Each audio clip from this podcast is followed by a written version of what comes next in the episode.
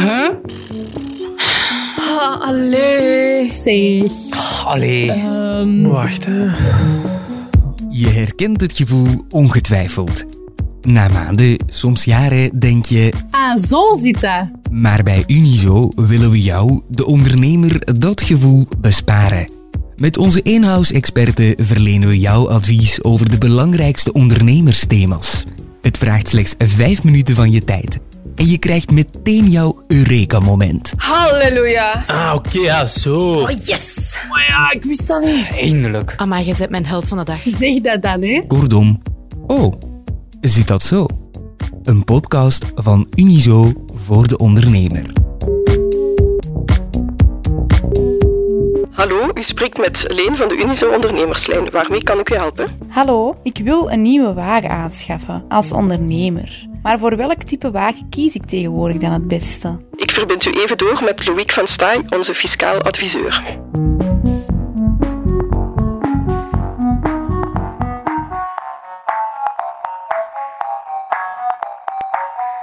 Ik zou op fiscaal gebied altijd inzetten op, die fiscaal, op de fiscaal aftrekbare wagens. En dat zijn dus de full electrics op dit moment. De verbrandingsmotoren, dat is een eindig verhaal, zeker voor wat, wat de fiscale aftrekbaarheid betreft. Er zijn eigenlijk drie eh, zaken die mee moeten spelen in de beslissing als je het puur fiscaal bekijkt. Dat is de aftrekbaarheid van je autokosten. En die wordt beperkt voor, voor verbrandingsmotoren. En voor elektrische wagens blijft die tot 2028 volledig aftrekbaar, dus 100%. Dus dat is al een heel groot verschil. De verkeersbelasting is vrijgesteld voor elektrische wagens en ook de belasting in verkeersstelling. Dat zijn toch ook bedragen waar dat we in rekening moeten houden. En, en de aftrekbaarheid van de autokosten, dat is altijd een geweest die heel belangrijk is voor, eh, als, eh, bij, de, bij de keuze voor een auto. Dat was zo tussen verschillende verbrandingsmotoren. Nu is dat ook gewoon tussen verbrandingsmotoren in het algemeen en de elektrische wagen. Zeker in de toekomst gaan die verbrandingsmotoren er nog slechter uitkomen. Men bouwt geleidelijk aan de aftrekbaarheid van die kosten af naar 0%. Voor de full electrics blijft die tot 2028 op 100% en vanaf daar gaan ze hem ook wel iets afbouwen, maar dat blijft nog altijd 67,5% aftrekbaar. Dus dat, dat is een enorm verschil. Dus ja, op fiscaal gebied zie ik geen enkele reden waarom we nu nog op lange termijn zouden investeren in verbrandingsmotoren. Het is echt wel enkel voor de personenwagens en eigenlijk vooral voor de salariswagens. De hervorming die is doorgevoerd is echt wel voorzien voor juist die wagens die gebruikt worden als salariswagen of als bedrijfswagen. Dus de pakjesbedieners of, of de loodgieters en camionet en dergelijke, die blijven eigenlijk buiten schot. Dus op zich is dat nog wel aanvaardbaar voor ondernemers. Het zijn echt wel die salariswagens die, eh, die aangepakt worden. Oké, een elektrische wagen. Maar dan spreek je niet meer over een tankkaart. Wat is het alternatief hiervoor? Wel, er kan eh, voor gekozen worden om bij, bij de werknemer thuis een elektrische laadpaal te laten installeren. Dus de werkgever laat een laadpaal installeren bij de werknemer, draagt daar de kost voor en die is ook 100% aftrekbaar.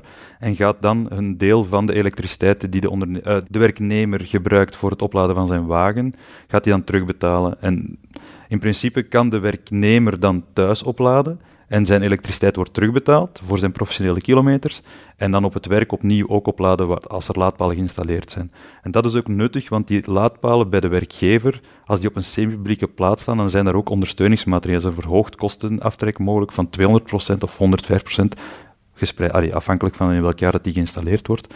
Dus in principe is er wel heel veel ondersteuning om juist dat tanken mogelijk te maken op de thuislocatie en de werklocatie. Dus dat volstaat in principe. Ja, de benzine en de, en de tankkaart, dat werd gezien als een voordeel al aard en dat is logisch, omdat er daar ook privé gebruik van gemaakt kan worden. Zolang dat de elektriciteitsverbruik kan gesplitst worden tussen professionele en privé-kilometers, zou er eigenlijk ook geen voordeel aard mogen zijn aan die terugbetaling van de elektriciteit. Dat is een standpunt dat de administratie heeft ingenomen in verschillende rulings. Dat is niet algemeen eh, toepasbaar voorlopig. De wetgeving is daar nog niet volledig voor op aangepast. Maar het is wel zo dat er in principe geen voordeel aard zou zijn voor de elektriciteit, wat ook opnieuw voordelig is op de belastingbrief van de werknemer.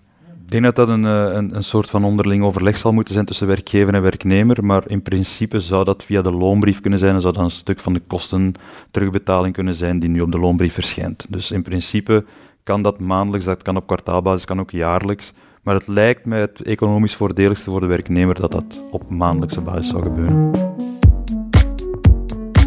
Oh, zit dat zo? Is een podcast van Unizo. Met expertise van de studiedienst en de ondernemerslijn. Deze serie kwam mee tot stand dankzij onze partners Liantis, KBC, Intrum en Graden.